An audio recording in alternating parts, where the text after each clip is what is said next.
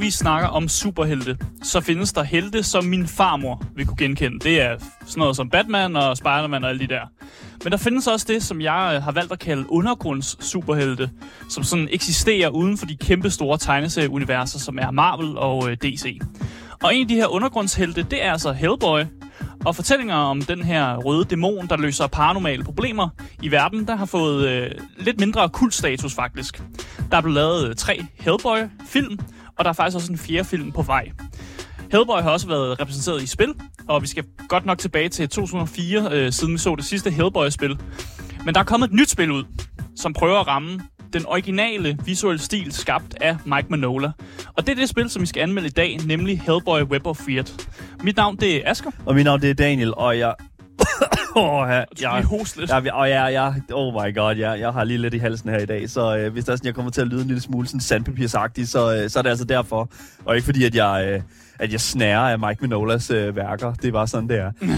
øh, nej, prøv at høre her. Det her det bliver fucking vanvittigt, fordi at ikke nok med, at vi jo selvfølgelig skal snakke om Hellboy og hele det her univers her, skabte Mike Minola, mm. så bliver vi også nødt til at lige at pointere, at Asger, du har jo mødt manden. Ja, og vi kommer ind på det. Vi kommer ja, ind på det. Jeg har, jeg har, jeg har lavet et helt afsnit til det, faktisk. Der er små snippets ja. af Askers uh, Mike Minola-interview her øh, øh, i løbet af dagens episode. Jeg synes nemlig, det var lidt vildt, ja. og derfor kan jeg ikke lade være med at, at smide det ind her. Og jeg, jeg synes ikke, I skal spares for de ting, han sagde, for Nej. det er faktisk lidt en legende. Øh, og hvis man ikke kender ham, så skal jeg også nok lige prøve, jeg skal prøve at tale ham op. Lige pensle ham lidt ud, ja, ja lige præcis. Fordi der er rigtig, rigtig meget til manden, og der er også rigtig meget til Hellboy. Jeg er vokset op med Ron Perlman Hellboy, ja. og ikke, hvad, hvad han hedder. Ham for Stranger Things. There it is. jeg kan ikke huske, hvad han hedder nu. Åh, oh, nej. Ja. Anyways, det, det, er også, det, det taler måske lidt, fordi at det er sådan... Ron Perlmans Hellboy, I don't know. Var den bedre?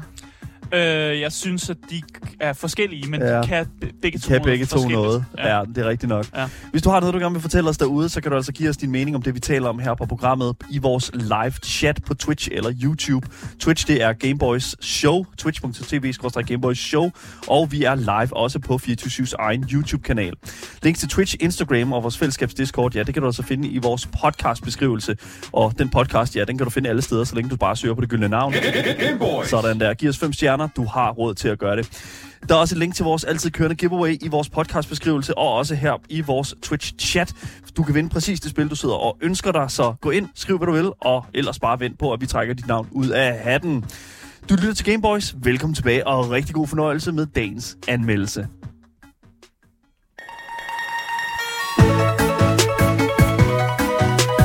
Ja,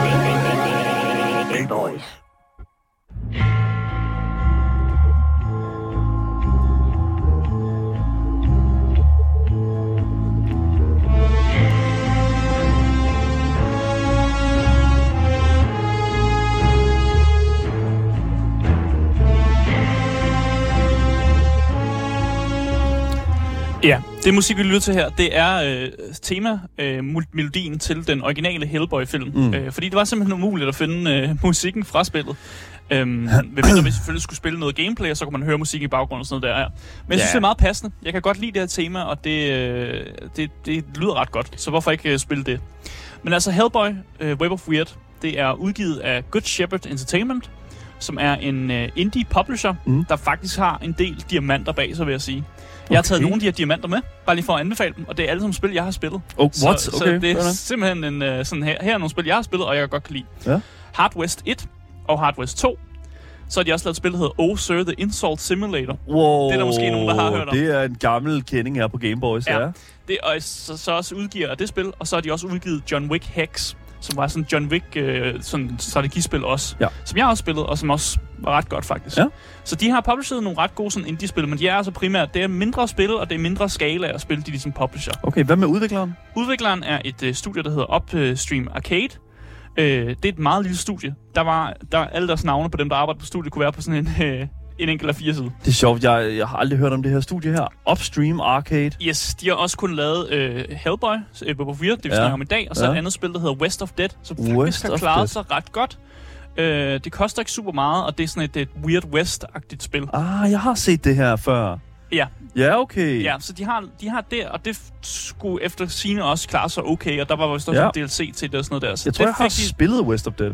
Jamen, det... Meget de, kort, og mange gode oplevelser, ja. De havde en sy- succes med det, og ja. det, det sjove til den historie, det er jo faktisk, at West of Dead, øh, hovedkarakteren i West of Dead, er den, ham, der lægger stemme til den, er Ron Perlman. Nå, okay, fair enough. Ron Perlman lægger stemme til hovedpersonen i West of Dead. Altså, nu skal vi så også lige huske en ting, og det ja. er, jeg så et YouTube-klip her i går med øh, Ron Perlman, og øh, hvis ikke man ved det, så Ron Perlman, han har også lagt stemme til The Ledge i uh, Adventure Time, altså mm. den her Cartoon Network tegnefilmserie.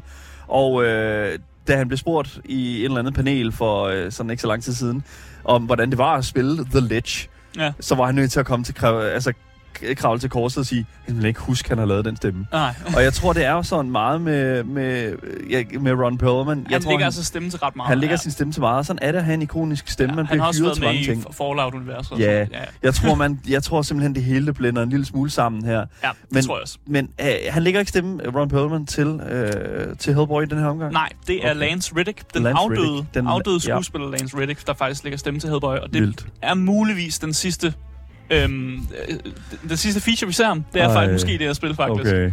Hvorfor det er en lille smule øh, sådan øh, sørgeligt, ja, det kommer vi selvfølgelig ind på. Det er jo sørgeligt, fordi manden er død. Ja, yeah, det, well. det var det der allermest sørgeligt. Nå ja, det, nu snakker vi om hans sidste, hans sidste rolle, ikke? Altså, ja. whatever. Øh, ja. Bare for allerede at snakke om nu, jeg synes faktisk, hans performance er okay. Det er jo lige meget, altså, det, det er whatever, selvfølgelig. Det, ja. det, det, er jo, han er en dygtig skuespiller, og en dygtig ja. stemmeskuespiller. Det er Så det, det kan man ikke sætte en finger på.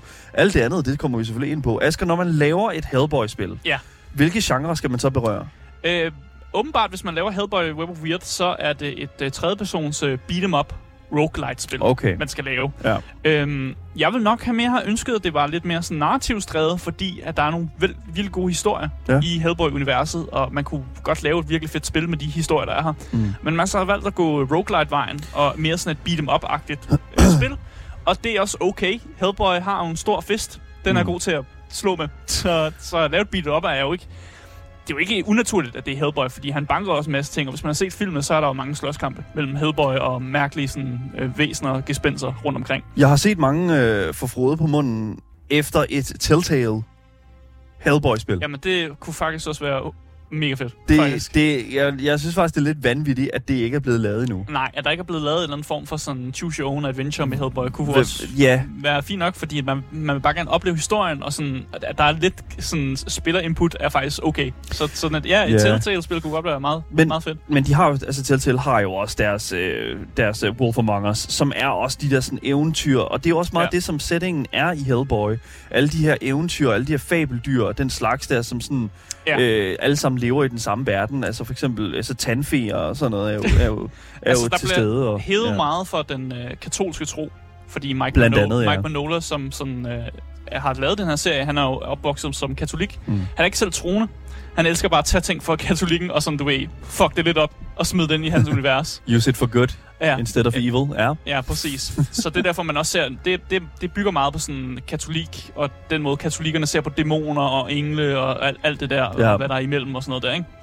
Men altså platform og pris, lad os bare tage det. Lad os tage det. Hvad det. Hvor dyrt er det, og hvor kan du få det? Man kan få det to steder. Ja. Playstation og Steam. På PlayStation, der kan du købe det for 184 kroner. Okay. Men du kan få det for 147 kroner, hvis man er plusmedlem. Det er man jo typisk. Ja, ja det er de fleste, tror jeg ja, faktisk. Ja. Øh, på Steam, der er det på tilbud lige nu. Okay. Der kan du få det til 146 kroner, og der koster det normalt 183 kroner. Okay. Så det ligger i den gyldne yes. indie-pris. Det ligger i den gyldne indie-pris, og det ja. er også et indie-spil, det her. Det kan man ikke rigtig komme ind på. Udover selvfølgelig, der er en uh, publisher involveret, så gør det det lidt... Uh, det er stadig et indie-spil. Det er stadig et indie-spil, men det gør det lige lidt højere end bare sådan, du ved, self-published. Ja, øhm, præcis. Jeg kan godt lide den her pris. Jeg synes også, det er en fin pris for, for, for et indie-spil. Øh, og, og det er sådan en selv hvis du måske ikke kan lide spillet, så har du da mindst ikke givet hele din tegnbog væk. Agtigt, ikke? Og, selv, og hvis du så kan lide spillet, så er det bare mega uh, worth your money. Så ja. det er faktisk en god pris, og det er også derfor, vi siger den gyldne, gyldne indie-pris. Fordi nogle gange kan man altså finde nogle rigtig gode perler, og finde nogle rigtig gode, sådan, gode indie-spil til den der pris, mm. hvor du kan hygge dig i mange, mange timer. Ja, okay. Så god pris der. Ja, ja, virkelig. Men hvad går Hellboy Web of Weird egentlig ud på? Jeg ved ikke engang, om jeg siger det rigtigt. Ja, men det er det, vi det siger staves, weird. Det staves V-Y-R-D. Nej, vi staves W-Y-R-D. Ja, præcis. Så word eller weird? Eller jeg vil sige weird, fordi det er, du, ja, ja. du, fordi det er netop det, det er sådan play on, uh, play on words, ikke? eller play on, uh, on, on spelling, tror jeg. Ja, det er det ja, nemlig. Ja. Men i Web of Weird, Hellboy Web of Weird, der spiller du som uh, Hellboy, der i forbindelse med hans uh, arbejde for BPRD, som er The Bureau of uh, Paranormal Research og Defense, tror jeg vist nok, det står for. Paranormal Research, yes. Ja. ja. Uh, og han bliver sendt til The Butterfly House, som er et uh, stort hus bygget af kultisten Pascal Denavo. Jeg ved ikke, om man siger hans navn rigtigt. Alright. Det er fransk, meget fransk. Ja, okay. Og Hellboy er blevet sendt ind i huset, fordi at uh, en tidligere agent er forsvundet i det her hus.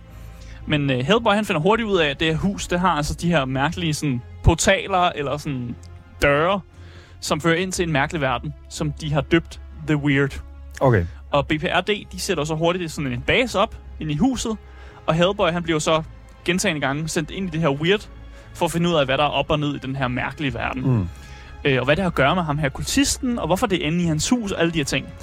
Øh, og den her verden, den er selvfølgelig fyldt med mærkelige entiteter, som nogle af dem forsøger at give Hellboy bøllebank, men der er altså også nogle af de her entiteter, som hjælper Hellboy, og de døber ham protagonisten. The protagonist. Og det er jo meget sådan sigende, at han er jo selvfølgelig protagonisten i det spil, vi spiller. Øh, og de hjælper ham selvfølgelig på vejen. Som i et andet godt roguelike-spil, så giver de ham forskellige booms og forskellige kræfter, som yeah. han så kan bruge til at, ligesom, at bekæmpe flere bøller. Jeg synes, præmissen, den skriger meget, at det her skulle holdes simpelt, det her, det her plot her. Ja. Hvilket jeg faktisk synes er en lille smule ærgerligt. Når du har et spil, som, øh, eller et univers, som er Hellboy-universet. Ja. Du har så mange forskellige mærkelige væsener. Du har så forskellige, øh, øh så utroligt mange kompleksiteter. Når, altså helt bare, altså filmene. Mm. Mit udgangspunkt, det vil altid være, øh, jeg tror det er Guillermo del Toro, der har faktisk har lavet de to første film. Det er det film. faktisk. Ja. Øhm, og, og, og bare sådan det udtryk, og bare sådan den storytelling, som øh, Del Toro ligesom har kunne bringe frem fra det originale materiale, som, som jo selvfølgelig er, øh, hvad hedder det, Mike Minolas univers. Mm. Altså, jeg synes, jeg synes, at det er, det er super fint som et udgangspunkt, mm. men, men, men, men man ved også bare lidt, at det kommer, ald- det kommer ikke rigtig, det kommer ikke rigtig videre derfra. Mm, ja, jeg giver det lidt ret. Ja. Nu har jeg jo spillet det her spil, så ja, ja. Jeg, jeg giver det lidt ret, at der, der er noget potentiale, man godt kunne have brugt lidt mere, mm. vil jeg sige. Mm. Øh, jeg synes faktisk generelt, nu, nu kommer vi også til narrativ og sådan noget der, men generelt vil jeg sige, at jeg synes faktisk, at historien er okay, og den er relativt simpel, men den er også let at følge med i. Ja. Og når man sidder, og nu har jeg faktisk, jeg har også læst nogle af de originale, øh, kigget i den originale øh, Hellboy-comic, mm. altså det er nemt at forstå. Altså, ja, okay. det, det er meget sådan... Det ved jeg ikke, det kan være, det er bare... Meget det originale, og meget sådan, åh, oh, der er ja. nazister, og der er folk, der, der er meget sådan sort og hvidt, og man har styr på, hvem der er de onde. Men så kan det være, det er Del Toro, der bare øh, er virkelig god til at, at lave den her verden her mystisk, fordi at jeg, at jeg, jeg må godt nok sige, der var så meget mærkelig lore, altså som, ja. altså, og, men der er også og mærkelig lore dyb, i hans univers. Ja. Øh, dyb, øh, sådan, ja, det, det, ved jeg sgu ikke, altså det kan også være, at jeg bare øh, er, er, er, en fyr, der, der, der sidder her, og, og jeg vil ikke skide på Mike Minolas uh, storytelling overhovedet, men det er også bare sådan, altså, du har fucking de her engle her, som øh, har, har øjne i, i, i deres hoved, altså over det hele, i sådan en fane i hovedet. Og sådan, ja, ja. Altså sådan, øh, ja, der bliver trukket der bliver... fra øh, sådan uh, Cthulhu-mytosen yeah. også. Exactly. Der er, og det er rigtig mange sådan... tentakler og sådan portaler, der åbner op til sådan, du ved, mærkelige entiteter. Og, sådan, og der er altid, jorden er altid ved at gå under et eller andet sted. Hvilken, på et eller andet tidspunkt. hvilken fantastisk, øh, altså sådan, øh, hvilket fantastisk meetup, ikke? Den katolske tro og Cthulhuism, ja. eller sådan, ja, men det er sådan en god blanding. H.P. Lovecraft. Det er jo basically de to af de samme ting, ikke? Ja. Men nej, det, det jeg prøver at sige med det, det er, at jeg synes, at, at jeg, jeg, jeg tror bare ikke... Jeg, jeg håbede bare måske lidt, at for Hellboy-franchisen, at vi en dag ville få sådan lidt et... Altså, hvis vi sådan skal tage det op sådan en lille smule sådan Elden Ring, ikke Elden Ring, men sådan det, scalen af jo, det. jeg kunne godt tænke mig et større scale, scale uh, Hellboy. Det er Helt det, det er det, jeg ligesom et eller andet Helt sted sikkert. savner. Og det er jo rigtig, rigtig fint, at et indie-studios, øh, hvad hedder det, som uh, Upstream Arcade, ja. har fået lov til at lave noget i det her univers, og det er no problem. Men jeg venter stadigvæk på Hellboy Altså, Sådan the fucking Hellboy, experience. the big experience. Ja. Altså, ja. de får samme treatment, som Spider-Man-spillene gør. Ja, ja, ja, ja præcis, ja. ikke? Altså, det er sådan... Fordi det her, det er et univers, som sagtens kan bære det. Ja, men det er jo det, vi også, som jeg også nævnte i min intro, at det er sådan lidt, han er en undergrunds superhelt, ja. og der er kultstatus, og det er meget sådan, det er comic book øh, mm. nørder, der virkelig har fanget Hellboy og godt kan lide ham, og der er en stærk fanbase. Ja. Og, og den her stærke fanbase har faktisk øh, lagt det, jeg vil kalde nogle love bombs på, inde på Steam for eksempel, hvor øh, anmeldelserne er sådan lidt imellem. Men mange af fansene er, har virkelig elsket det her spil, uanset hvad, hvad fanden Altså, de har spillet 6 minutter spillet, og så har givet en positiv review. Altså, det, det, det, ja, det er der, okay. vi er sådan noget der. Ja, jo, jo, men det... Mm, yeah. Så der er nogle folk, der elsker det her univers, og vil gerne vil se det sådan thrive, og, og giver det noget kærlighed. Og, jeg vil, og igen, jeg vil også gerne se det her thrive, fordi Hellboy er en fantastisk karakter, ja. og, og der er så meget godt potentiale her. Yeah. Men øh, jeg, nu synes jeg, vi skal komme ind i kødet og, øh, Lad os gøre det. og snakke lidt om gameplayet, men også snakke lidt om det interview, jeg lavede med øh, Mike Manola.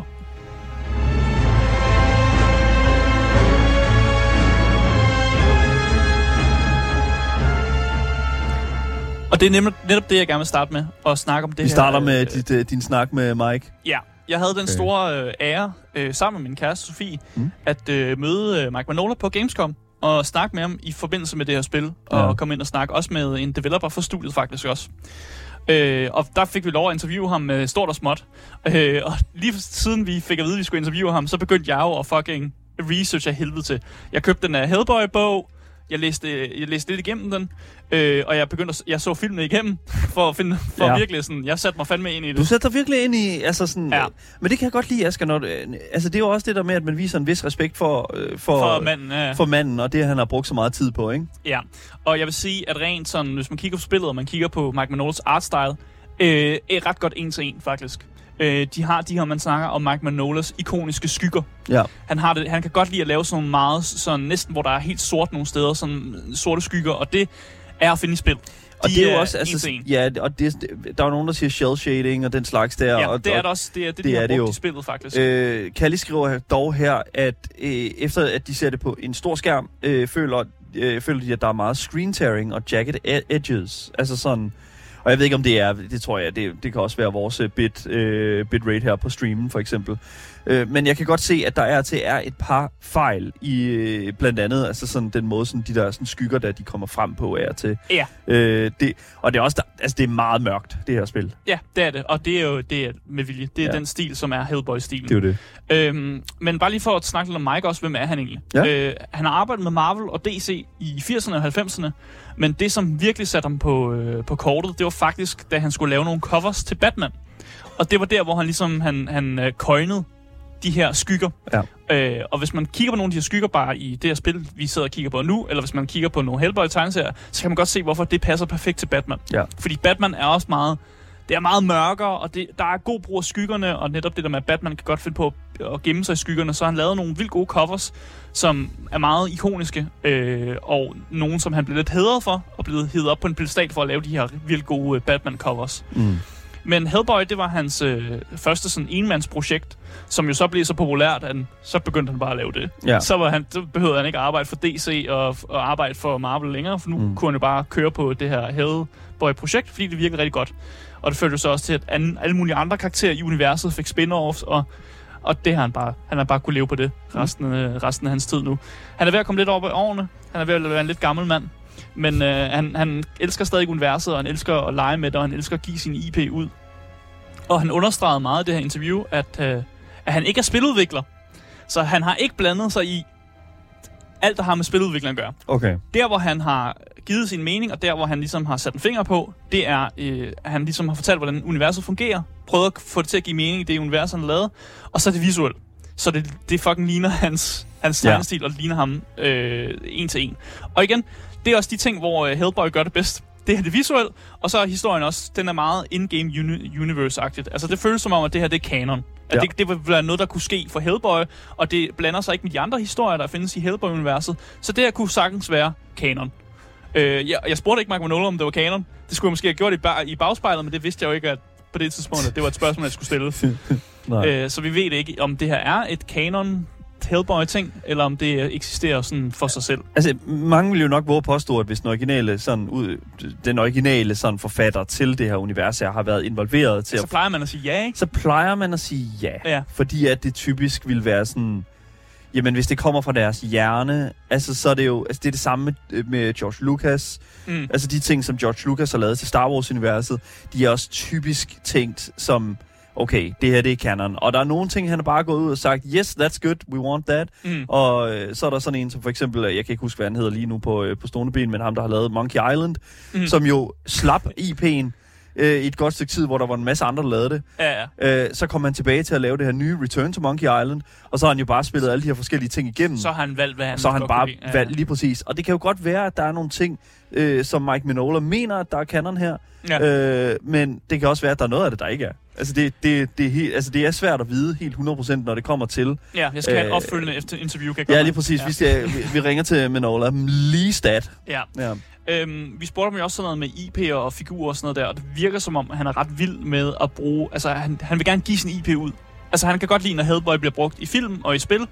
Øh, jeg kan godt forstå manden for øh, procenter. Men det, han, han virker ikke super beskyttet. Han virker ikke super beskyttet over IP'en, som mange andre øh, st- store tegnefilms øh, giganter måske er. Mm. Altså, han vil gerne give den ud til et lille indie-studie her, som bare gerne vil lave et lille Hellboy-spil. Mm. Øh, og det kan jeg egentlig godt lide. Øh, han sagde til gengæld også, at når han, når han giver IP'en ud, så vil han gerne sikre sig, at det sker i Hellboy-universet. Ja. Så han har okay. han fortalt en, han fortalte sådan en lille historie om, at, øh, at han har lavet nogle mærkelige crossovers, hvor han var nødt til, hvor konklusionen var nødt til at være, at Hellboy har drømt det hele. Fordi det skulle give mening i universet. Sjovt. Så han er ikke, han er ikke glad for, når Hellboy han giver sig ind i andre universer, som ikke er hans eget. Nej. Øh, jeg prøver for, så bliver det til en drøm. Jeg prøver at huske, huske på noget, hvor Hellboy har været involveret. Han, jeg synes, han fortalte, og nu kan, jeg, åh, nu kan jeg ikke så godt huske det, men jeg synes, han fortalte noget med, at han havde lavet, han havde lavet et samarbejde med DC eller Marvel. Ja, eller sådan noget der. Ja, det er rigtigt, ja, selvfølgelig. Ja. Og, men så var konklusionen netop, at det var noget, Hellboy havde drømt. Og det er, ja. sådan, det, det er jo sådan lidt... Man kan, det kan man synes om, hvad man har lyst til, men det ja. er jo sådan lidt, ah, okay, så, så er det jo ikke ka- kanon, når, når han bare har drømt det hele. Nej, det er selvfølgelig rigtigt nok. Altså, jeg ved i hvert fald, at Hammer Spawn Nej, okay, det er ikke Spawn, der har været... Åh, oh, fuck, men ja, det er også, jeg tror Marvel uh, er the one. Ja. Jeg tror, det er Marvel. Det fortæller han i hvert fald om, at der ja. har været sådan et, et, et, et drømmescenarie. Ja. Øhm, men ja, som sagt, det var heller ikke nogen hemmelighed, at Mike var ved at blive lidt gammel, så jeg var altså nødt til at spørge et lidt morbidt spørgsmål.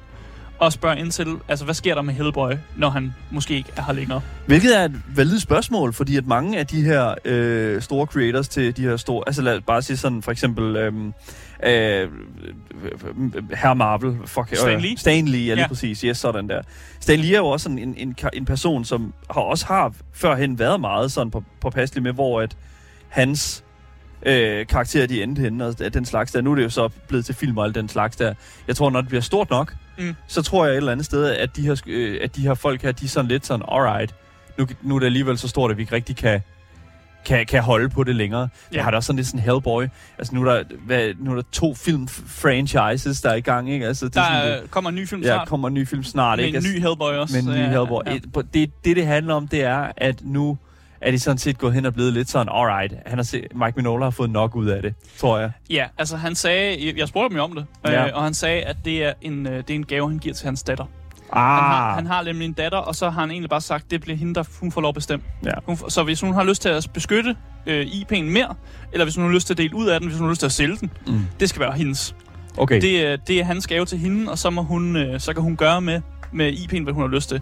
Og det synes jeg faktisk, der var et eller andet sådan fair, fair nok, og sådan lidt smukt ved på en eller anden måde også, at det er bare sådan et... Øh, at det, det får hun lov at bestemme. Uh, han holder på den, indtil ja. han, han jo så ikke er her længere, og så det bliver det ligesom hans... Uh, det bliver arven, han giver videre til hende, hende hans, hans datter. Hans, må, jeg, må, jeg, må jeg gøre det samme med Gameboy som min søn?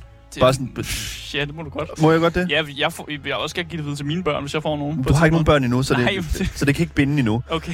Jamen, jeg synes, det er en smuk ja, ja. ting, det der Jamen, med sådan at give det videre, faktisk. Fordi der er, noget, der er også sådan det der med sådan, at det er jo en vis tillid, og det er også sådan lidt... Altså, hun er øh, Mike Minolas datter har sikkert også været vidne til hele det her univers øh, sådan tilblivelse ja. på mange måder, ikke? Altså sådan, hun har sikkert lige så meget ret i altså til, til det her univers, mm. som han har. Selvom at han har siddet og tegnet det, jamen så har hun garanteret også været en stor inspirationskilde for ham til at færdiggøre det her. Mm. Øh, og til at fuldbyrde det, og til at, og, og, altså for ham til at komme, øh, til, til at gøre det til noget stort. Præcis. Ikke? En øh, krølle på det her, det er også, at øh, noget, som jeg ikke helt vidste, det var, at Hellboy bygger på Mike Manolas far. Er det rigtigt? Nå, okay, ja, fair nok. Han har bygget hans, øh, hans sådan, personlighed, den måde, han er på, på hans, øh, hans far. Nå. Øh, og det er jo på godt og ondt, ja, det, kan man sige. Altså, Hellboy er, en, en, en, lidt en type, ikke? Han er lidt en type, men han, der er meget godt i ham. Ja. Det er det der med, at man kigger på ham, og så er mennesker jo sådan generelt sådan, okay, du ligner en dæmon. Men han er faktisk et godt menneske, og... og ah, well. En djævel. Jamen, han, er, han vil gerne gøre godt. Mm. Han vil gerne gøre godt, og hele, hele pointen med mange Hellboy-filmene og mange Hellboy-tingene, det er jo, at man skal ikke skal dømme ham sådan på, på omslaget. Nej. At han er, at der, han er dybere end det, og han vil gerne, han vil gerne menneskeheden godt.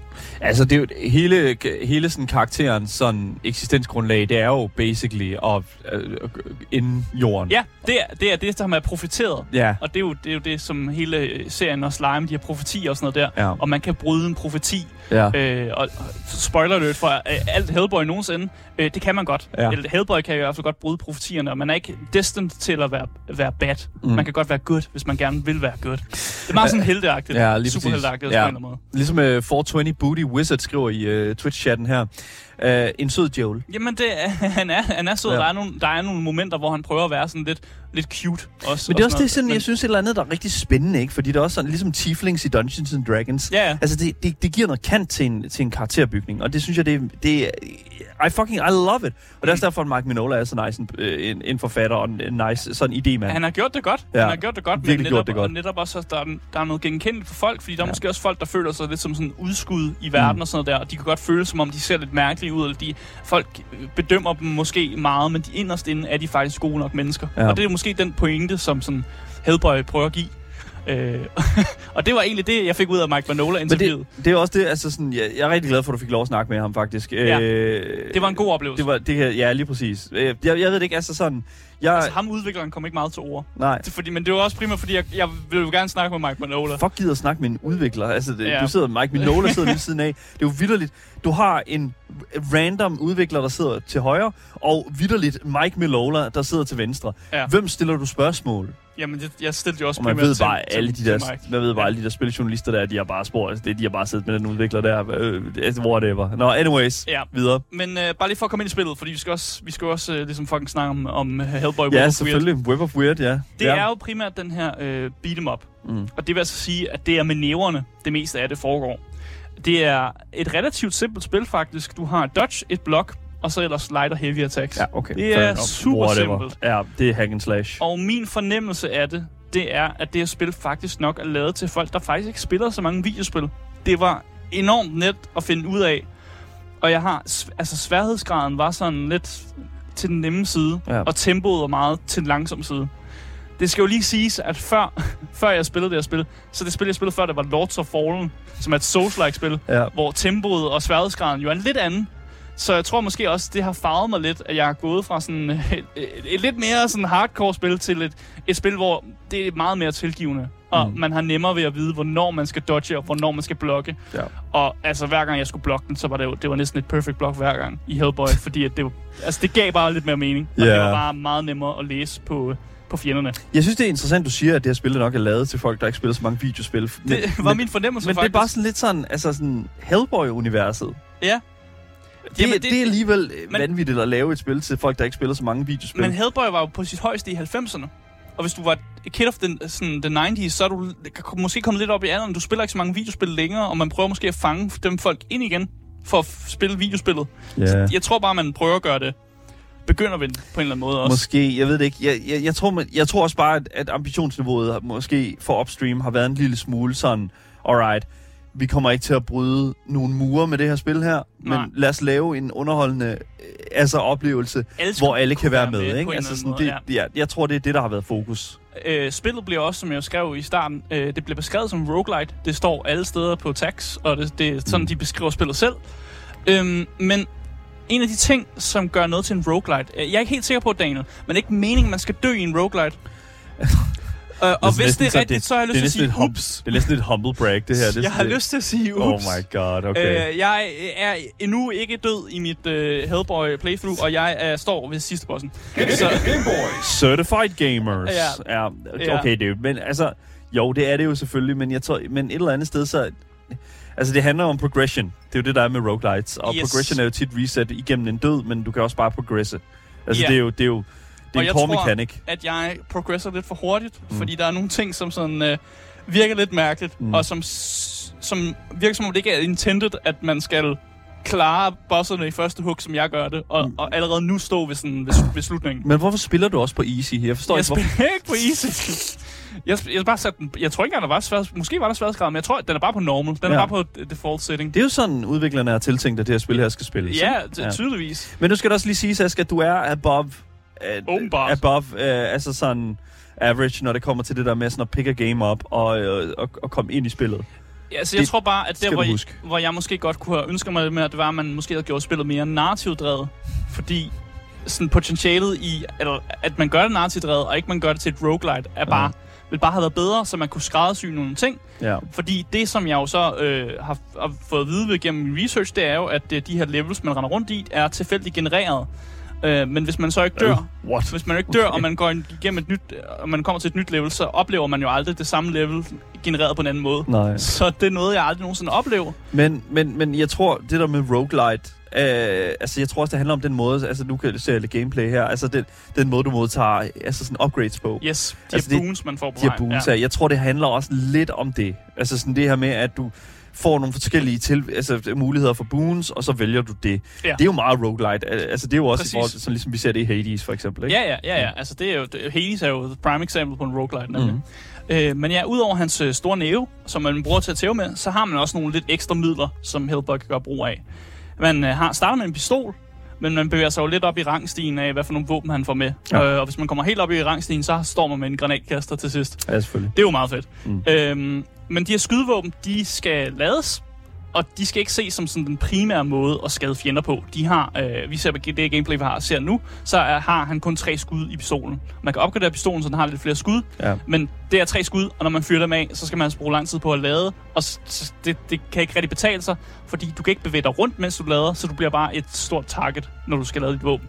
Så det er ting som sådan en... Øh, det er godt for at, at, at hive sådan en stun meter op på dine fjender, men det skal ikke være den sådan primære kilde, og den måde, du sådan du primært giver skade på. Ej, okay. Så det er bare sådan en, du kan lige fyre den af, når du laver nogle combos eller et eller andet. Det er ligesom i, uh, ligesom i Bloodborne. Altså det, det, ja. det er jo vidderligt også sådan stakker ting. Ja, jeg var så irriteret over, at man ikke ja. kunne uh, lave den, mens man gik rundt. Jeg bare, det, hvorfor kan man ikke det? Hvorfor ja. kan Hellboy ikke lige gå lidt, når, øh, når, mens han lader, eller sådan noget Det er fordi, der. han er en fummelfinger, bro. Jamen, åbenbart. Han har, jamen, han har en stor fist. Den, ja. den er måske det, ikke så god at lave Det er ikke så nemt. Øh, og så har man også de her charms, man øh, vælger, før man begiver sig ud på et run. Øh, og de her charms er også relativt simpelt. Øh, der er et, det er mest simple charm, det er sådan en skubbe-charm, der skubber folk væk. Øh, og så er der et uh, charm, der også gør, at du får sådan en lille bobbelskjold på. Ja. Øh, jeg vil sige, at de her charms, de, de er minimale effekter. Ja. Og det meste af tiden, der brugte jeg dem ikke engang. Altså, jeg glemte simpelthen at, at trykke på charm-knappen, fordi hvis man alligevel dodger og parerer alle angrebene, hvad fanden skal jeg så bruge et lille bobbelskjold til? Og det der lille skub der, det var også bare sådan lidt... Jeg vil gerne have fjenderne tæt på mig, så jeg kan banke den. Jeg har ikke brug for at skubbe dem væk. Nej. Så jeg brugte ikke rigtig de her charms særlig meget. Okay. Øh, jeg ved ikke, jeg, om jeg glemte det, eller bare var sådan lidt, jeg har ikke brug for det. Nej, men altså, jeg kender det godt. Det er ligesom i Spider-Man. Altså, sådan, det, alle de der gadgets der, ja, alle de der ting, man fucking ja, ja. nogle gange, så ja, ja. Man, man ved, man har det, men oh my god, altså, fuck, man, nu har man fået den øh, playstyle, man har lyst til at uh, lave, ikke? Altså sådan, ja. det er ligesom med uh, potions, altså sådan, ja. man samler på lortet, og så det lige ind, altså, så glemmer man altså, altså, lige om lidt, så kommer der en kæmpe stor boss, altså sådan hele mi, ja, ja. Jeg, altså i Baldur's Gate 3 har jeg fucking, altså jeg har to backpacks fyldt med potions. Jamen, jeg havde også bare alt for meget lort, som jeg aldrig nogensinde brugt. Man har aldrig brugt det lort, og det er sådan, det bare. Så har man det, og, så, og det, det tror jeg godt, udviklerne ved. Jeg vil bare sådan sige måske en lille smule... Altså, der er en ting er, og det handler om, at de ikke laver situationer til dig, som gør, at du får brug for at, ja. at bruge de her ting præcis, her. Præcis, Og det føler jeg faktisk er en lille smule en fejl i gameplay. Ja, den recharger den charm. Ja. Jeg kan jo blive ved med at bruge den. Ja. Altså, det er jo ikke en one-time use, mm. så, sådan, men jeg brugte den bare ikke. Nej. Øh, han har også et special attack, Hellboy, mm. som bliver fyldt op, når du tager skade eller laver perfect blocks. Så kan man lave sådan et fucking special attack. Alright. Øh, og det ene special attack, det kan være sådan en slam, som giver AoE-skade. Så kan man ramme lidt flere fjender. Øh, og så en anden ting, der man kan også lave sådan nogle øh, cinematiske attack på en fjende, ja. hvor jeg bare giver mega meget skade på en fjende. Øh, og det vil jeg ærligt sige, det virker lidt for godt nogle gange. Okay. Fordi der er virkelig nogle bosser, hvor du bare kan hive deres health bar ned så hurtigt, hvis du laver de her special attacks. Og det kræver ikke mere, end du har perfect blocket sådan nogle gange, sådan 3-5 gange, og så har du bare råd til, at du kan bare køre dem i stykker ja. med sådan et angreb. Og grund til, at jeg bankede mange af mine bosser første hug, det var simpelthen, fordi jeg bare kunne køre deres health bar i stykker med de her special attacks, man ja. kunne lave, når ja. man havde lavet de her perfect blocks. Åh, oh, man, det var så... Jeg, jeg, synes, jeg ved godt, at du siger, at det er sådan, ah, det er sådan lidt, åh, oh, det, det er ikke en altså sådan satisfying boss fight. Øh, men altså, i mine altså, ører, det, lyder det som... altså, det er jo fucking svedigt. Jeg vil faktisk sige, at nogle af de her cinematiske attacks var faktisk en, en højdepunkt af gameplayet. Okay. Fordi det lignede sådan en, lidt en, en comic book scene, når han mm. lavede de her, hvor han bare fucking bankede dem i. Og det var meget sådan, åh, nu er ikke input. Så jeg føler ikke, at Hellboy er så langsom, og sådan, ellers som man nogle, nogle gange kan være i det her gameplay. Mm. Så de, der, det var faktisk et højdepunkt i spillet, det var, når man fik de her cinematiske sådan finishers-agtigt, som ja. det er på nogle af de her fjender. Mm. Øhm, der er også de her mærkelige entiteter i det her weird, som vil prøve at hjælpe dig, og det er det, vi har snakket om. Det er dem, der giver dig boons, og dem, der ligesom, som du så kan putte på din fist, du kan putte på din gun, eller du kan putte på dit charm, og så gør det det sådan lidt bedre. Okay. Øh, du kan også få nogle sådan boons, der gør sådan, om du samler flere penge op på vejen, eller du samler mere health op på vejen. Sådan lidt forskellige ting. Klassisk roguelike øh, boons eller powers, man får på, sin, øh, på sit run eller sin rejse. Alright. Øhm, igen, nu kommer der kritikpunkterne, som jeg måske allerede har nævnt lidt af. Ja, okay. Jeg synes, gameplayet er meget clunky. Og jeg vil ønske, at Hellboy kunne bevæge sig en smule hurtigere. Han er meget langsom, og øhm, det, jeg, jeg, det er ikke super fedt, når man... En, en roguelike plejer at være sådan fast, fast-paced, ja. ikke? Og jeg føler bare, at det er meget slow. Altså, og, ja, altså det, det, det, som jeg synes, der er interessant... Altså, han er jo slow. Det er jo det, ja. det, er jo det Hellboy er. Han er ja. jo sådan en big brawler. Og han bevæger og, sig meget fattet. Sådan meget, ja. sådan, det er meget små dodges, han laver, men alligevel så undviger han et, et kæmpe attack og sådan men, noget der. Men Batman er også en brawler. Og altså, når du, altså i nogle af de der sådan Obsidian games der, eller sådan... Øh, øh, det er ikke Obsidian, Nej. Rocksteady. Ja, Rocksteady. Øh, altså, altså, han flyver jo rundt, ja, Batman, ja, præcis. Ikke? Og det har det sådan lidt sådan, alright, de kunne godt lige have addet en lille smule mere fucking agility til ham her. Det giver bare bedre for sådan en gameplay-følelse, ja. så giver det bare bedre, at man bevæger sig lidt hurtigere. Ja. Øhm, jeg synes heller ikke, combat var så super sjovt. Og mange af fjenderne ligner meget hinanden. Altså, det, når du kommer ned i... Det er jo meningen, at de, der skal være forskellige lager at, lag af det her weird, du bevæger dig igennem. Ja. Og jeg synes bare, at fjenderne minder om du er i lag 1, eller om du er i lag 5. Okay. Det er sådan lidt... Jeg har set en del af de samme øh, altså fjender lige i ja, øjeblikket. Ja, også i det ja. samme lag lige nu, okay. så det, det er fair nok. Men, men når du kommer ned i de andre lag, så er det også bare mange... Det er lidt det samme fjender, ja. og de kalder det de samme ting. Mm. Og, og det er bare sådan lidt gentagelser, og der er ikke nok adspredelser i fjenderne, så man bliver sådan lidt lullet i søvn øh, af det her gameplay. Ja, okay. Så har du også allerede pinpointet en ting, og det var det her, at gameplayet faktisk godt kan føles lidt laggende nogle gange. Ja. At der næsten er sådan lidt tearing. Og det var, det, det var, jeg kan godt lide, at du sagde det, fordi det er også den oplevelse, jeg har fået af det. At uanset, om du, sidder, du kan sidde og spille på en rigtig god computer, som jeg gør derhjemme, og spillet har altså ikke særlig høje krav det er et indie-spil der. Ja. Men alligevel kan der, er der nogle steder, hvor det bare lækker. Ja. Eller sådan, hvor det bare sådan er klon, sådan virkelig, hvor, hvor man virkelig sådan, ah, det, det ser ikke godt ud, og det føles ikke godt. Øhm, og det er faktisk med til at gøre mig meget svimmel, og gøre mig sådan lidt, øh, man får sådan lidt, uh, over ja, det, når det sker. Når der, man får de her lagging, ja. og, og kameraet nogle gange sådan, laver nogle mærkelige vendinger og sådan noget der. For at, at, at give det sådan et øh, perspektiv, som nogen måske øh, sådan kan forestille sig derude. Hvis I har set filmene, øh, altså sådan Across the Spider-Verse eller Into the Spider-Verse, ja. øh, der er til sådan den animation style, øh, hvor der sådan, at det er sådan lidt sådan, det, at det, det er sådan gradvist animeret. At ja. Det er som om, at der er skippet nogle middle frames, Ja. Og, og, og det betyder, at det hakker en lille smule, og det fungerer rigtig fint, når der er mange effekter og sådan noget, som for eksempel i Spider-Verse-filmene. Mm. Men her, der har du et kamera, der bevæger dig rundt omkring, du har en masse combat, du har en masse, altså, du skal holde tjek på en hel masse ting. Det ja. tror jeg kan være rigtig, rigtig forvirrende for, for spilleren. Ja, og så har de altså også det her lock-on-system, man bruger, som øh, hvis man er Souls-like-spiller, så ved man, hvor vigtigt et lock-on-systemer er. Meget. Øhm, men det her lock-on-system er decideret dårligt. Mm. Det er jo nødvendigt, fordi du kan ikke ramme noget, hvis du ikke lokker på, på dine fjender. Det kan du ikke. Du svinger bare vildt med dine arme, og du, kan ikke, du rammer ikke noget, du skyder. Så du skal, du skal logge on på ting. Men det er et lock-on-system, hvor du skal holde knappen nede, og hvis du slipper knappen, så logger du ikke on længere. Nej. Wow, okay, og, det er fucking dumt. Og den, den, jeg ved ikke, hvordan AI'en fungerer med det her login, men den vælger jo bare et noget, du logger ind på. Sådan. Og det, nogle gange kan det være noget, du ikke har lyst til at logge ind på.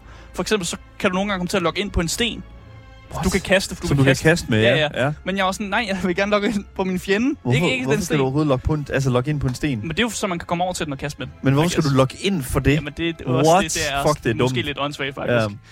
Ja. Øh, og det er bare... mm, Det fungerer bare ikke super godt. Og jeg kunne godt tænke mig et bedre login-system, fordi det er meget vigtigt. Mm. Øh, igen, øh, når man går igennem de her forskellige levels og sådan noget der, og møder alle de her forskellige øh, fjender, så synes jeg ikke, der er ikke så meget adspredelse af sådan de forskellige, nu kalder dem rum, at det er ikke rum i det her spil, men i en roguelike, så er det jo forskellige rooms, man går igennem. Og der er ikke stor adspredelse. Der er normale kæmpe rum, der er sådan nogle healing boons rum, så er der lore rum, hvor man kan betale for lore, og så er der sådan, The lore! Og så er der sådan en challenge rum, Ja. hvor, man kan, hvor man kan køre noget combat imod at få en belønning. Meget klassisk roguelite, Mm. men jeg har bare brug for lidt mere.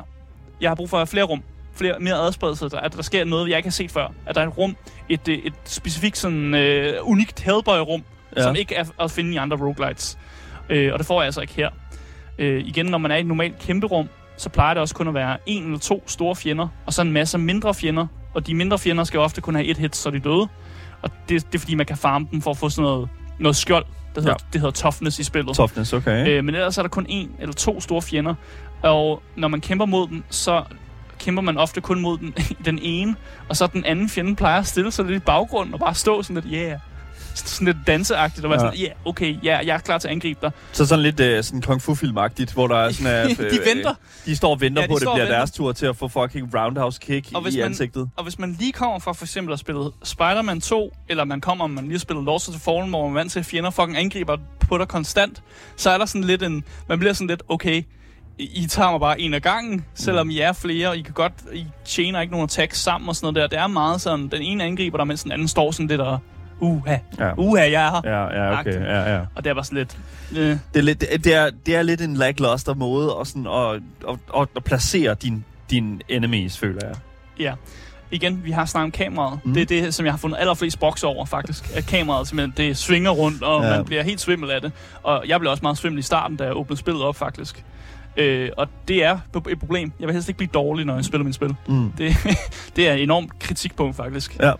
Øhm, til gengæld, så det jeg opdagede, og som jeg faktisk ikke vidste var en ting, jeg gik jo igennem Steam-kommentar. Ja, det er klart. Og studiet har svaret på rigtig meget kritik. Nå, okay. Stort set holdt op. Alle, sådan, sådan, hvor der har skrevet en stor brødtekst sådan noget, har fået en kommentar fra studiet. Øh, og det virker som om, at de har taget meget seriøst. Ja. De, øh, hold, altså, det folk er kommet til dem, og de, øh, ham der, jeg, det er en fucking chat, der sidder og skriver. Fordi han vil virkelig sådan lidt, hey, du har ret det der kritik. Det, det er rigtigt nok. Kameraet er noget fuck, fucky walkie. Sådan noget der.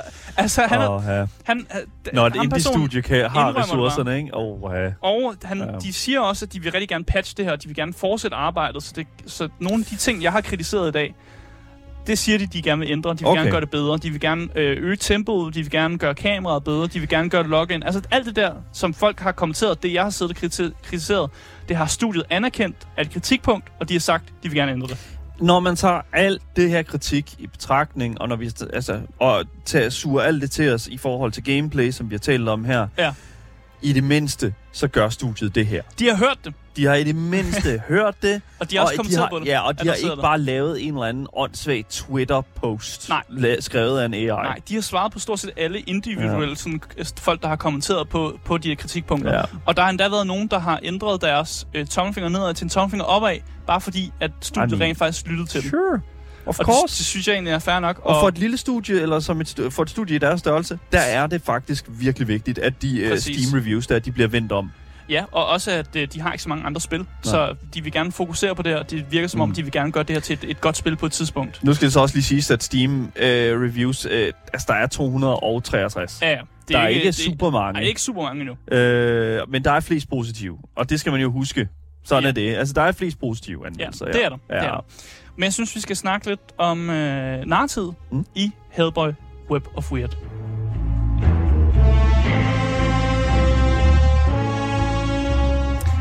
Så jeg synes, at historien har faktisk lidt af den samme sådan mystik, som du også nævnte, det der Guillermo del Toro. Okay, det er jeg glad for at høre faktisk. Det er jeg virkelig glad for at høre. Fordi der er nogle, øh, der er nogle ting, hvor man tænker, hu, hvad kommer der til at ske her? Og mm. der er en mm. masse spørgsmål, og man får ikke rigtig svar på det før til helt sidst. Øh, og det synes jeg faktisk er et plus. Øhm, ligesom mange af Hellboy storylines, der er i filmene, men også i tegneserierne, så handler det jo meget om sådan profetier. Øh, og de her forskellige entiteter, du møder i starten, de kalder dig jo netop for protagonisten. Og så skal du ligesom finde ud af, hvad betyder det? Mm. Og de, de, de snakker jo om det, som om det er en profeti, at du er protagonisten, der ligesom skal hjælpe dem på vej og redde dem alle sammen. Mm. Og jeg kan egentlig godt lide det, at der er det her profeti, og det, det bliver ligesom ved med at følge i, i den her historie også. Ja. Øh, de følger ligesom de klassiske storylines, som Mike Manola også har tænkt, at det skulle være. Øh, og så er der jo også det her fucking mystik omkring, hvad fanden, hvorfor er der portaler inde i det her kultisthus?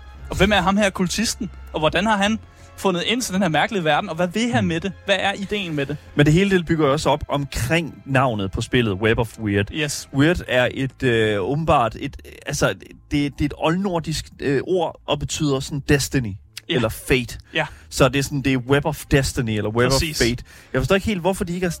Det er selvfølgelig, det, det skal være et mærkeligt ord. Det skal jo... Det skal være et mærkeligt ord. Ja, det, det kan ikke bare hedde Web of Destiny. Og mange af de øh, entiteter har også nogle navne, som godt kunne tyde på, at de også havde et, de har noget med Destiny og noget at gøre. Okay, ja. Øh, uden at spoil for meget. Mm. Øh, nu ved jeg ikke, hvor mange der kommer til at spille det her, men igen, jeg, lad være med at spoil det. Spoiler alert, nej. Ja. ja. Øhm, så er der også, ligesom øh, mellem hvert level, der har du der hop, mm. hop, du kan rende rundt i. Ja. Og der er en masse karakterer, du kan snakke med. Jeg synes, at flowet i de her samtaler, rent narrativsmæssigt, er lidt mærkeligt. Jeg tror, det der skete, det var, fordi jeg ikke døde særlig meget. Så har den ikke... Normalt i Hades og sådan noget, når du dør, så får du noget... noget så progresser du? Ja, så progresser du noget lort. Eller ikke noget lort. Du progresser noget lore, hedder det. Du får nogle flere ting at, at vide. Men her var det så, fordi jeg ikke rigtig døde, så kunne jeg jeg kunne instigate tre forskellige samtaler med den samme person, og de var alle sammen sådan lidt forskellige, de her samtaler. Og det gjorde bare, at jeg blev lidt forvirret over, hvor jeg var narrativsmæssigt, for det virkede som om, at jeg progressede lidt for hurtigt, i forhold ja. til, hvad spillet er tænkt til, at jeg skal gøre. Øhm, og jeg synes også, det, jeg synes, det er lidt synd, at der er så mange fantastiske karakterer i Hellboy-universet. Og mange af de karakterer, du snakker med, det er bare sådan agents, normale agents. Og der er nogle af de her lidt specielle agents, der kan nogle ting, men de, de bruger det ikke rigtigt. De står lidt bare og siger, om jeg kan, jeg kan read den her ting med mine mind powers. Ja. Okay, men jeg får ikke lov at rigtig se det visuelt, og du står lidt bare og, og chiller et eller andet sted. Jeg ved ikke hvorfor, men, men, men de der sådan... Det er også der, sådan, der er så mange finurlige karakterer. De der fucking cutscenes, med, som, hvor du står og snakker med, med de her mennesker, eller de ja, her karakterer her. det er også sådan lidt... Hvor, øh... det, hvor det bare sådan nærmest er still frame. Der er ikke nogen, der bevæger sig sådan rigtigt. Nej. Der er ikke noget, altså voice Der er ikke nogen læber, der bevæger sig. Nej. Det er statisk. Oh, øh, det, det og det også... var faktisk også lidt forstyrrende. Yeah. Det har jeg også skrevet. Det er lidt forstyrrende, fordi det, man sidder yeah. man fokuserer lidt på det og så glemmer man at lytte efter. Ja, ja. Jeg synes jo, at, at nogle af karaktererne i det her univers her er...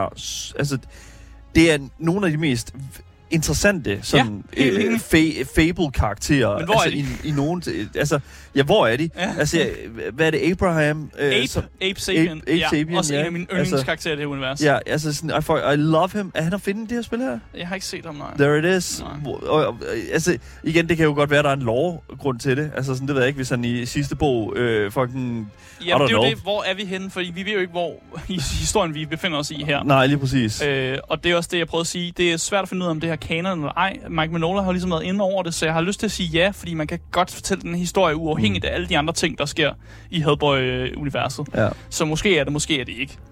Øh, men som jeg sagde, jeg kunne bare godt have tænkt mig, at historien var mere sådan, at spillet var meget mere narrativt reddet, ja. og ikke skulle fungere men på det, den her roguelite måde. det er også derfor, jeg, får, jeg bliver ved med at sige en Telltale, øh, yeah. hvad nu, øh, en Telltale-titel i det her univers vil være virkelig velkommen. Jeg vil også sige, at meget af den her sådan, øh, måde, som spillet ser ud på, ligner jo vidderligt et, altså sådan et Telltale-spil meget hen ad vejen, synes jeg. Ja, det synes jeg, jeg Der, det, altså, It looks like a Telltale game. Ja. Så hvorfor er det, når, altså...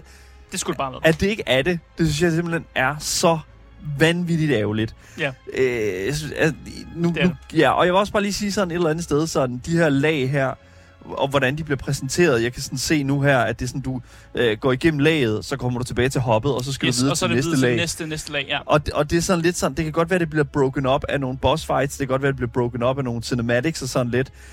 Altså, det ser, det ser ret underwhelming ud. Er det det, Asger? Det er det. Okay, jeg fair enough. Jeg synes ja, okay. også, det er lidt underwhelming. Og jeg ja. kunne godt have tænkt mig nogle flere... Jeg kunne godt tænke mig noget mere cin- cinematics ting. Ja. Og jeg kunne, det, det skulle okay, at de bryder combat op med, med nogle cinematics også. For som sagt, højdepunktet er, når man får de der finishers, eller ja. når man laver de der store angreb. Det er mega fedt.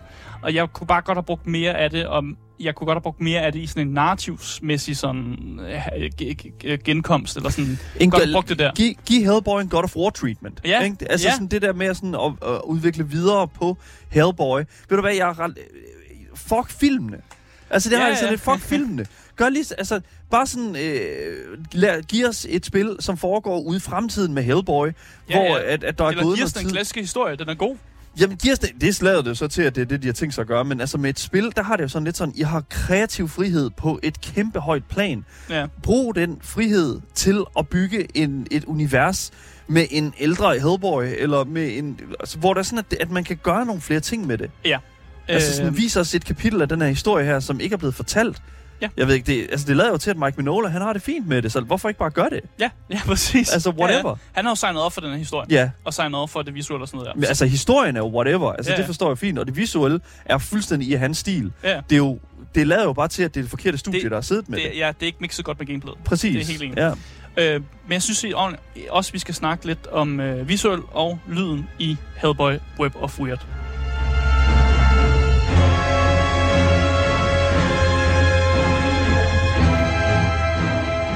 Altså, vi har allerede ventet, men jeg kan ikke putte en finger på den visuelle stil Nej. i Hellboy Forever Weird. Det er, det er, der, det er hvor det, det er der, hvor det er bedst. Yeah. Det er super unikt. Man ser det ikke så tit af den her artstyle, og det er den her cell shell shading, man har, har brugt sig af, for mm. netop at lave de her ikoniske Mike Manola-skygger, som er det, han er kendt for.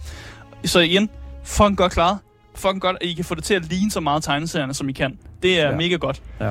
Øh, igen, de store cinematics attacks, jeg laver, når jeg laver de her en mod en kampe mod en fjende, Mwah, mega fedt. Ja. Jeg vil bare gerne have mere af det, fordi øh, resten kan godt være en lille smule kedeligt rent visuelt. Ja. Der sker ikke så mange ting i soundtracket. Det var lidt ærgerligt, at vi ikke kunne høre det, fordi det ligger ikke nogen steder. Øhm, men jeg kan fortælle, at der sker ikke så mange ting. Det er, der sker ikke så mange ting, det er sådan men lidt, altså, øhm, vi kan lige få lidt uh, sådan, bare sådan real lyd, kan ambience, real lyd her, sådan lidt foley lidt forskelligt. Eventuelt noget combat her. Yes, og jeg vil faktisk sige, at den folio, den lyd, der er, når man er i combat, er faktisk ret okay god. Husker det som om. Det er meget sådan comic book-agtigt. Oh man får de her sådan smashes og sådan slashes og alt muligt. Ja, og der er sådan en rimelig god battlemusik. Og den ja. lyd af dig, der puncher noget og sådan noget der. Ja. Den I mean, this, this, this works. Ja. This works. Ja. Men det er også sådan lidt sådan koblet sammen med Hellboys sådan clunky, altså sådan clunky combat. Ja. I mean, It's not the best. Nej, men Nej. lyden er fin. Lyden, ja. Altså, lyden er fin, og det visuelle, det spiller, men, men uh, ja, det, prøv at se der kamera. Oh, uh. ja. It's, ej, Asger, han får, for, ja. han får Puh, vanvittige, uh, hvad hedder det nu, uh, uh, ja. ja. Øhm, jeg vil også gerne kommentere lidt på, at uh, voice actoren, Lance Reddick, det er ham, der spiller uh, Hellboy. Mm. Mm. Og uh, han gør det et, uh, et godt arbejde som, som voice actor. Det er han super god til. Men jeg, synes ikke, at Lance Reddick er den bedste Hellboy. Han er ikke den bedste Hellboy, eller hvad? Jeg synes no. ikke, det passer. Nej. Når jeg forestiller mig, hvordan Hellboy lyder, så forestiller mig ikke Lance Riddicks stemme, som den han bliver, der bliver portrætteret i det her spil. Ja. Okay. Lad os, lad os lige prøve Lance Riddick så her. Denver doesn't seem like the sort to invent Nazis for fun. Nej, der, der, der er ikke rigtig nok twang i ham, hvis du forstår, Nej, hvad jeg mener. Der er ikke nok... Jeg har brug for lidt ja. mere sådan, øh, dy, sådan ja. næsten noget ondt, ondt dybde i ham, mm. som er den, som Ron Perlman måske ville have haft.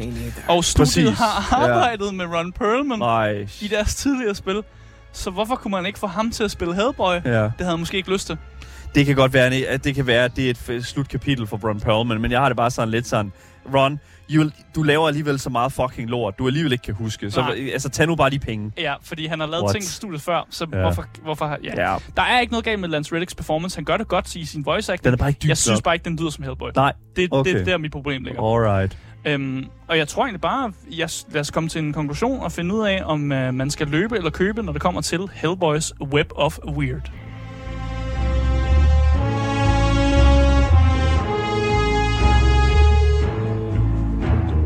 Løbe eller købe, Asger? Øhm, altså, jeg synes, at Hellboys Web of Weird er et spil, som jeg rigtig gerne vil elske. Ja. De har fået Mike, Mike Manola ombord på, på historien, så altså, historien og det visuelle, det er der jo ligesom. Men der, hvor det hele falder til jorden, det er jo altså gameplayet. Det, Hellboy er lidt for langsom, og der bliver lagget nogle gange, når man tæver på forskellige fjender, og det er bare nemt at undvige, og det er bare en smule kedeligt til tider. Jeg synes heller ikke, der er nok adspredelser i de forskellige levels, øhm, men jeg håber, og det er jo det, studiet siger, de vil gøre, de vil rette mange af de her fejl, og mange af de ting, som jeg retter som kritik, det siger de, de vil lave om og ud, udbrede bedre over tid. Så det vil vi håbe på. Men lige nu, så vil jeg ikke kunne anbefale, jeg vil ikke kunne anbefale uh, Hellboy Web of Weird. Nej. Det kan jeg ikke. Det kan ikke jeg også den, godt forstå. Ikke det stadie, der er lige nu. Nej, og det er også selvom prisen er, hvad den er, yeah. sådan omkring de der 150 kroner der. Altså sådan, det, det spil her skal nok komme ned i øh, den pris igen. Ja, det kan også være, at det ja. bliver godt om et halvt år. Ja. Så, så kan jeg godt anbefale det, men ikke lige nu. Hvis du er Hellboy-fan, så hold øje med det, men indtil videre, så kan vi altså ikke give dig et anbefaling på det. Det bliver et løb her ja. fra Gameboys. Tusind tak, Asger, for anmeldelsen. Selvfølgelig.